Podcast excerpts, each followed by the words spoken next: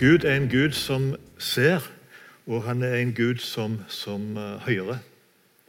Han ser akkurat deg der du sitter uh, nå, uh, her i, i, benken. Han, både, han ser og, og, han hører Guds omsorg. Og Så har vi hørt en del om Zanzibar. Hørt om det med å nå den arabiske verden med, med radio, med internett osv. Uh, nå er det sånn at meg og Helga vi har vært i Kenya fra 1990 og fram til 2008. Eh, I løpet av de 18 årene så bodde vi 13 år i Kenya og jobba blant muslimske folkegrupper i Kenya. Eh, og når vi da kom tilbake igjen til Norge i 2008, så fikk jeg et spørsmål om jeg kunne tenke meg å, å jobbe med eh, på en måte samme folkegruppe og samme type arbeid, bare nå skulle jeg gjøre det i Norge. Og det gjør at Siden 2008 frem til nå så har jeg hatt en stilling som innvandrerkonsulent. Eller på fint heter det konsulent for, for flerkulturelt arbeid.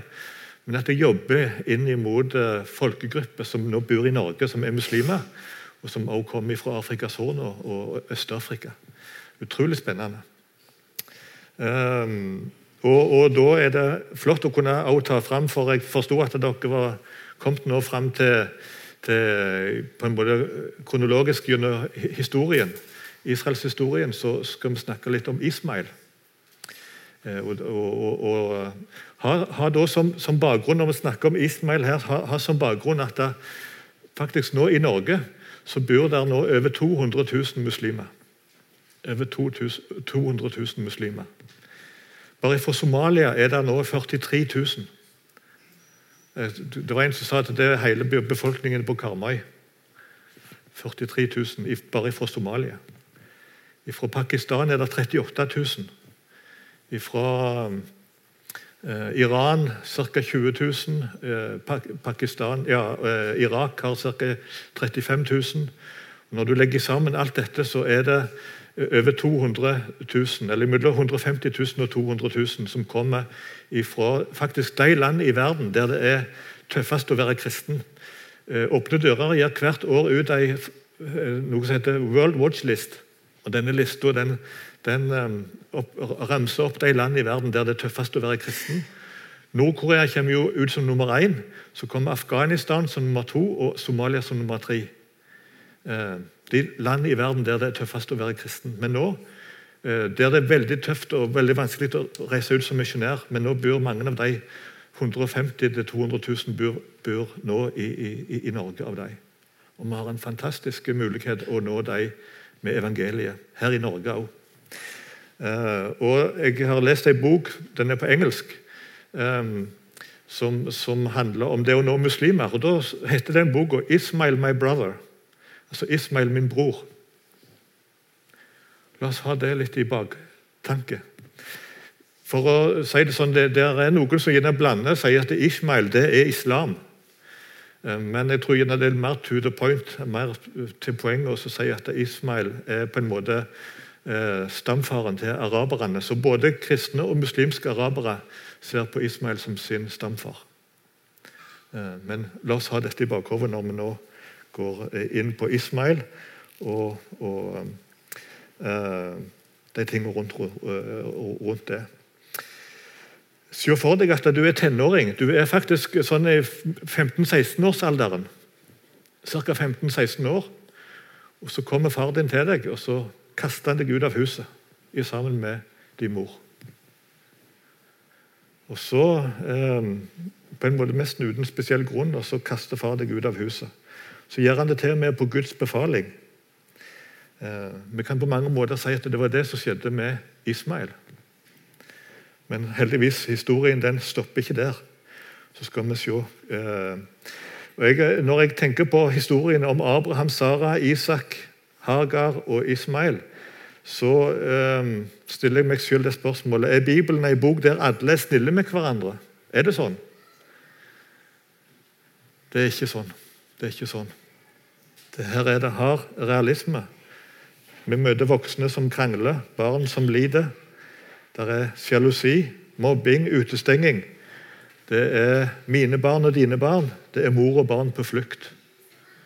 Uh, inn i den flyktningsituasjonen som er nå, der vi ser så mange som kommer fra over, over havet, der som er mor og barn på, på flukt. Men det er også mye tro og håp og kjærlighet i denne historien.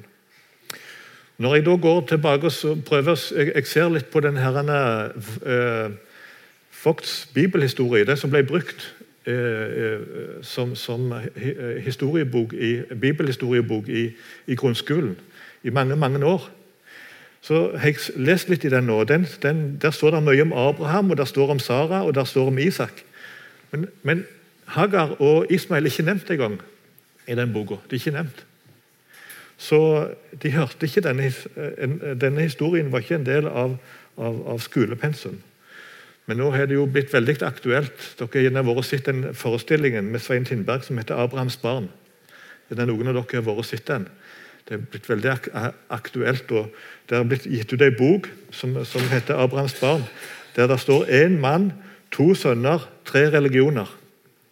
Det er litt stilig sagt, men uh, det, det, det, er en måte, Når en ser det ut, utenfra, så kan en se det på den måten. Én mann, altså Abraham, to sønner, Isak og Ishmael. Tre religioner. Kristendom, jødedom og islam. Um, jeg har bare lyst til å si litt ut ifra islam, uh, dette med, med, med, med, Ismael. For islam snakker om 124 000 profeter. Og Ca. 25 av dem er nevnt i Koranen. Og Ca. 20 profeter av de er bibelske. Altså, eh, Av de 124 000 som islam snakker om, så er det 25 som er nevnt med navn i Koranen.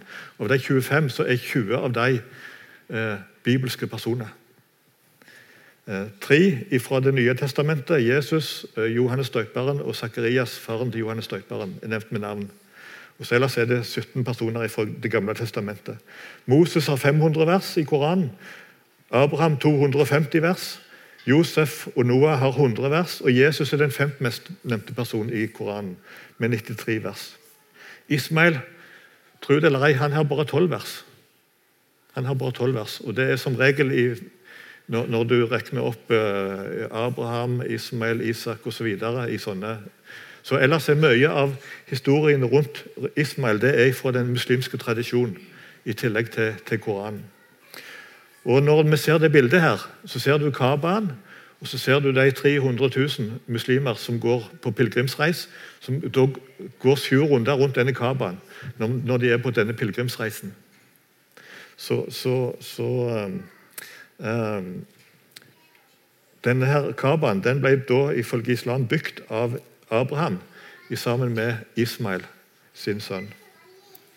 Um, skal prøve å få opp en sånn pekepinn her som kjører.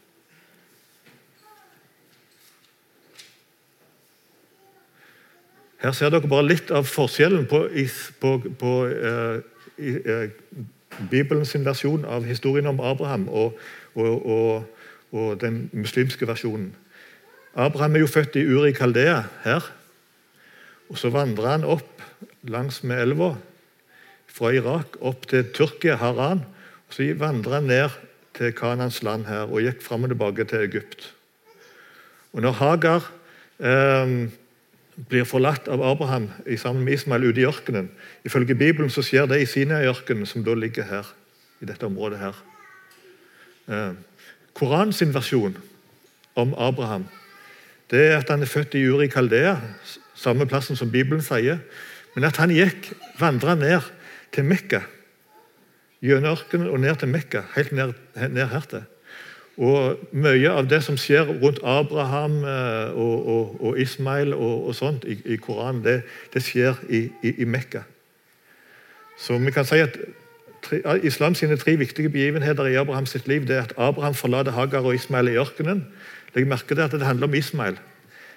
Abraham tilbyr Ismail som et offer, ikke Isak. Det er Ismail.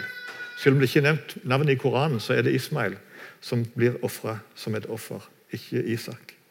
Og Abraham og Ismail bygger i sammen et tempel for Allah. Det er Kaban som de går rundt i Mekka. Så Når de er på pilegrimsreisen, så, så, er en del av pilegrimsreisen at de er på en måte det som er, bibelteksten for, for, for, denne For det som vi skal se på nå, det er at, at Abraham forlater Hagar og Ismael i ødemarka. Men dette skjer altså ifølge islam i Mekka.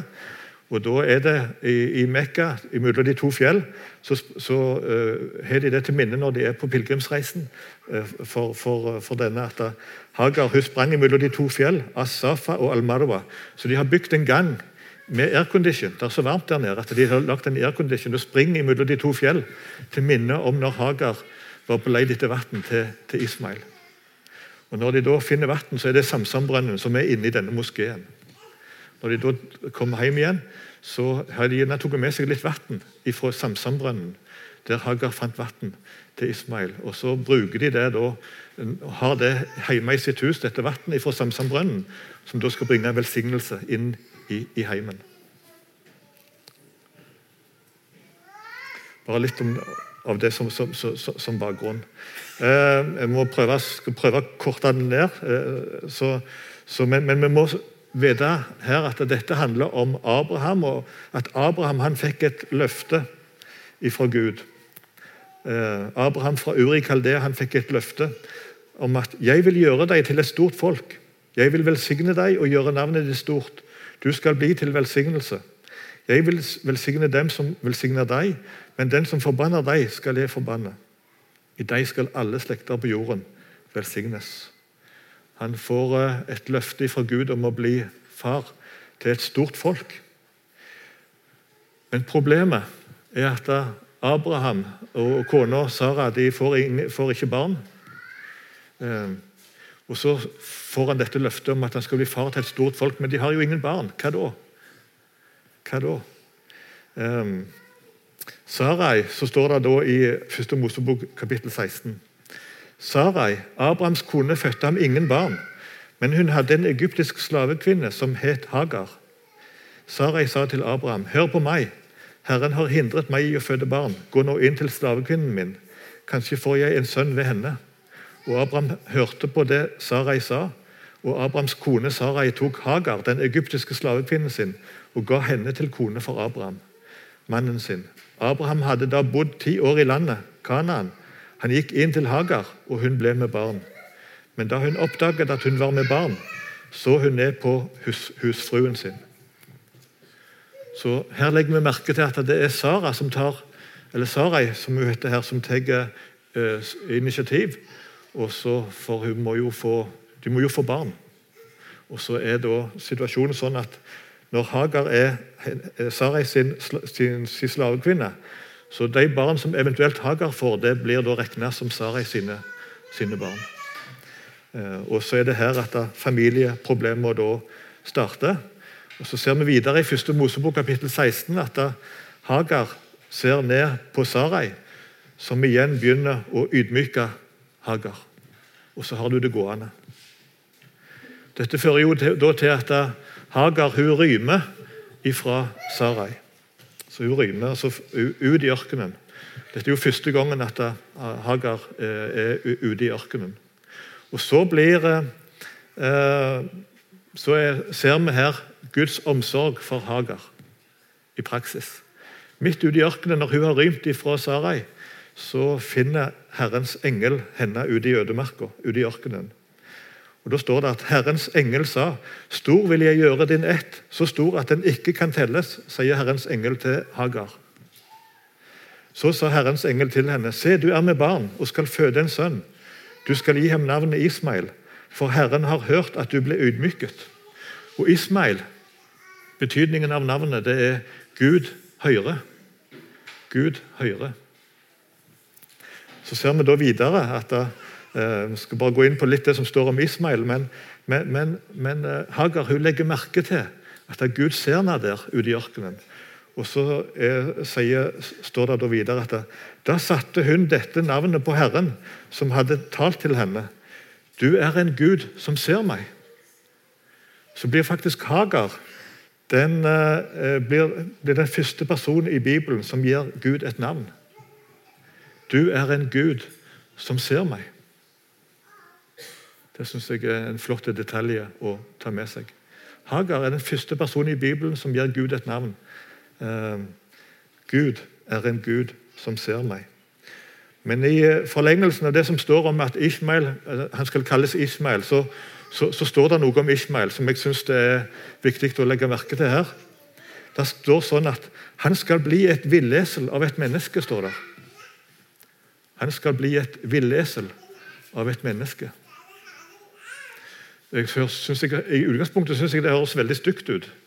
Tenk å få en sånn, en, få en, få en sånn altså, Du skal bli et villesel av et menneske. Um, men i, i, Jobb kapittel 39 vers 8 der står det en masse dyr. så står det Hvem slapp villeselet fri? Hvem slapp villeselet fri? Altså, ingen kunne slippe et villesel fri. Et villesel var fri. Det står om Juda, f.eks. Juda, eh, Jakobs sønn, at han er en farlig, altså at han er en løveunge. Dan, om, om Dan står det at han er en giftig slange på stien. Benjamin han får en karakteristikk om, som en jagende ulv. Første Mosebok kapittel 49.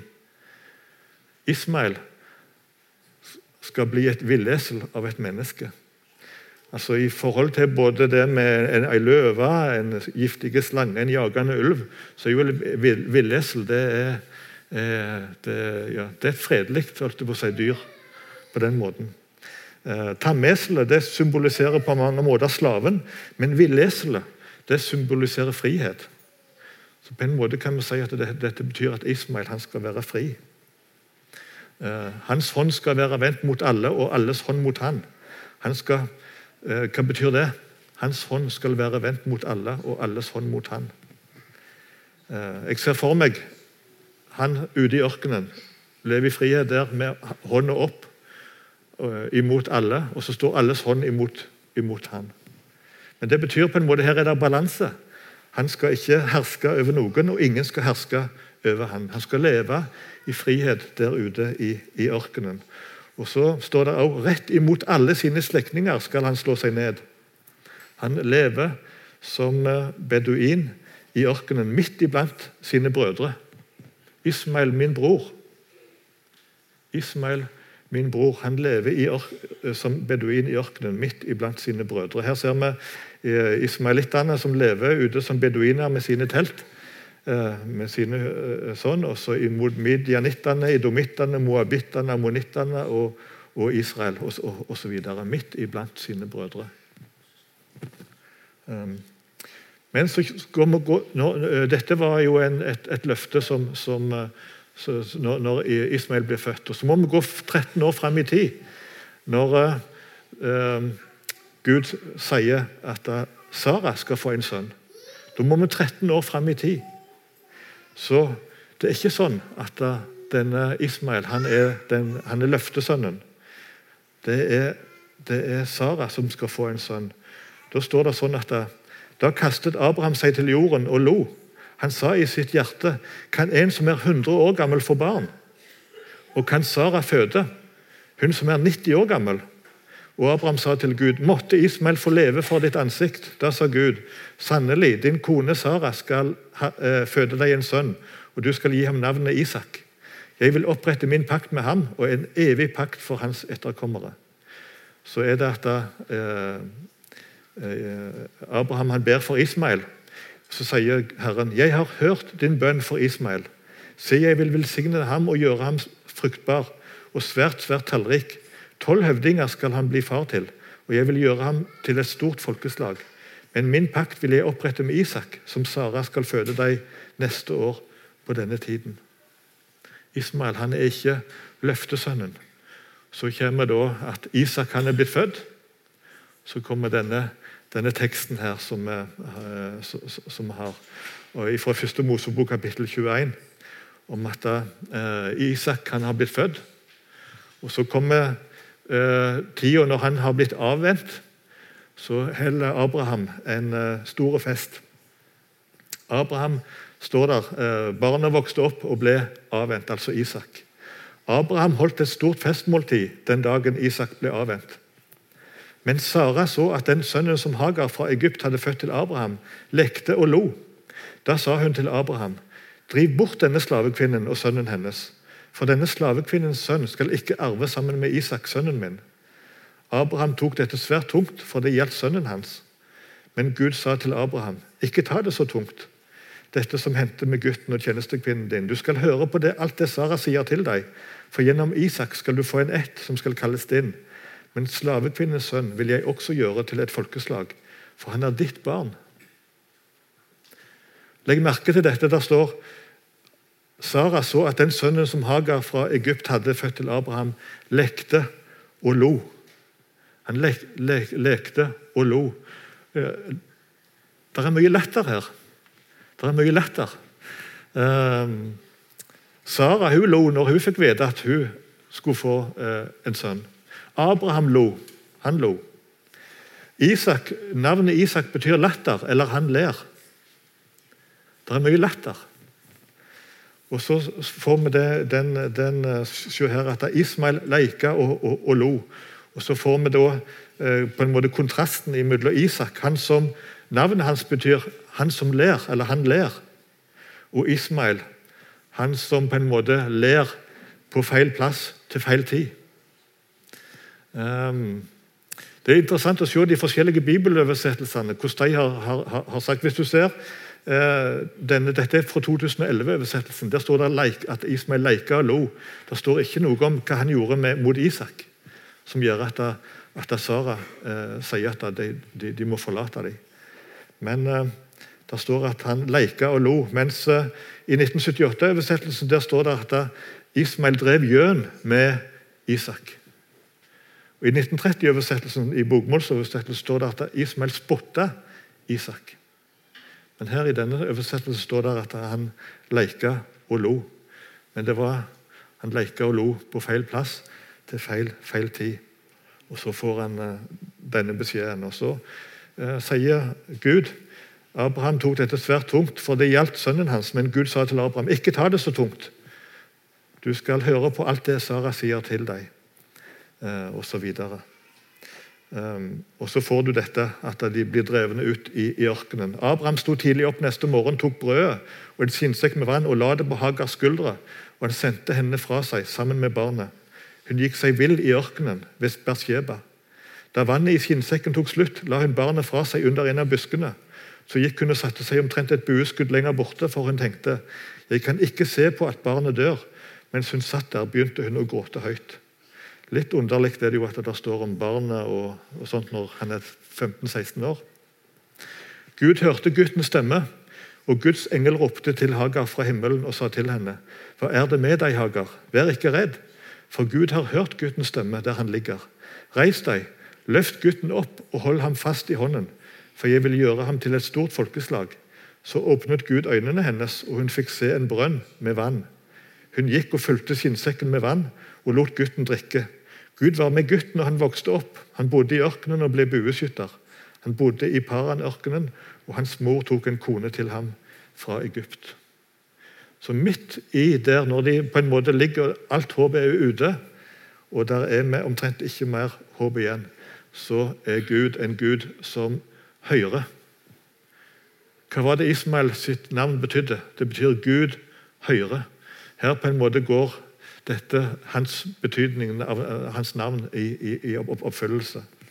Dagens evangelium kan vi si gjennom denne teksten fra første Mosebok, det er at Gud han er der. Midt i disse konfliktene. Han er der. Se kvinner og barn på flukt. Gud er der. Han, han, er en Gud som ser, og han er en Gud som hører. Se de aller mest fortvilte. Han er der. Han er der. Gud var hos Abraham, han var hos Sara, han var hos Isak, han var hos Hagar, han var hos Ismail, og han er hos meg, han er hos deg i dag. Gud er der. Dette vi hørte i denne sangen eh, rett før jeg eh, eh, står her nå. Så hørte vi også om Guds omsorg. Gud han er en Gud som ser, og han er en Gud som, som hører. Og helt mot slutten og så syns jeg det er fint å ta fram det med, med utvelgelsen. For dette, denne teksten handler noe om utvelgelsen. Utvelgelsen. Altså Utvelgelsen er på en måte som ei, ei trakt. Uh, hun er stor og vid oppe, omfatter alle. Men så går den ifra, utvelgelsen går ifra de mange til den ene, til Jesus Kristus. Når trakta er på det smaleste. Men når Jesus er død på korset, så får vi misjonsbefalingen. Da gjelder det alle. Så utvelgelsen går på en måte som ei trakt. Går ifra de mange til den ene. Gud skapte alle mennesker, men så falt mennesket i synd. Alle mennesker trenger frelse. Så velger Gud seg ut et folk. Han velger seg ut et folk. Det er Abrahams ett gjennom Isak. Han velger seg ut et folk. Eh, men det krever han å være utvalgt. Folket svikter. Gud han sender profeter, og du får Guds dom osv. Til slutt så blir trakta smalere og smalere. Til slutt så eh, var utvelgelsen knytta til én person, til Jesus. Så går det ifra Jesus, når han er død på korset og stått opp igjen og lever i dag, så får vi misjonsbefalingen, og så gjelder det alle. Et fantastisk budskap. Og kan hva kan vi si om, om Ismael i, i, i, dette? Jo, eh, Ismael han ble avvist som løftets sønn. Løftet ble ikke knytta til, til, til, Ismael. Det gikk via Isak fram til Jesus. Men eh, Han ble avvist som løftets sønn, men han er elska. Han ble ikke forlatt. Han er elska som Abrahams sønn. Han er elska som Abrahams sønn. Avvist, ikke forlatt og elska. La oss ha det i, i, i, eh, tankene når vi nå har 200 000 muslimer som bor som våre naboer her i Norge. Eh, avvist som løftets sønn, men ikke forlatt, men elska. Avvist og elska, skal vi be. Takk, Jesus, for dette budskapet. Takk, Jesus, for det at du eh, bryr deg om. Du brydde deg om, at du så og du hørte når Hagar og Ismail var ute i, i ørkenen. Du bryr deg om den enkelte. Du så dem, du hørte dem. Du har omsorg, du elsker dem. Og Jesus, la det òg eh, eh, være bakgrunnen for hvordan vi ser på dette at det, det nå òg bor 200 000 muslimer i Norge. De er avvist som løfte. Eh, løftet var ikke knytta til Ismael, men de er elsket. De er ikke forlatt. Og Jesus, Så kan vi få være med på mange forskjellige måter og nå de som også er elsket av deg, Jesus. Her, eh, og få mulighet til å nå de her, her i Norge. Jeg vil takke deg for det. Så ber jeg om at du må velsigne eh, forsamlingen her på, på, på Vea og, og, og Karmøy. Vi ber om at og kanskje noen her kan være med eh, på forskjellige måter i det å nå uh, uh, Ismail her, her på, på, på, Karmøy og her i området. Vi ber om deg, Jesus, i ditt navn. Amen.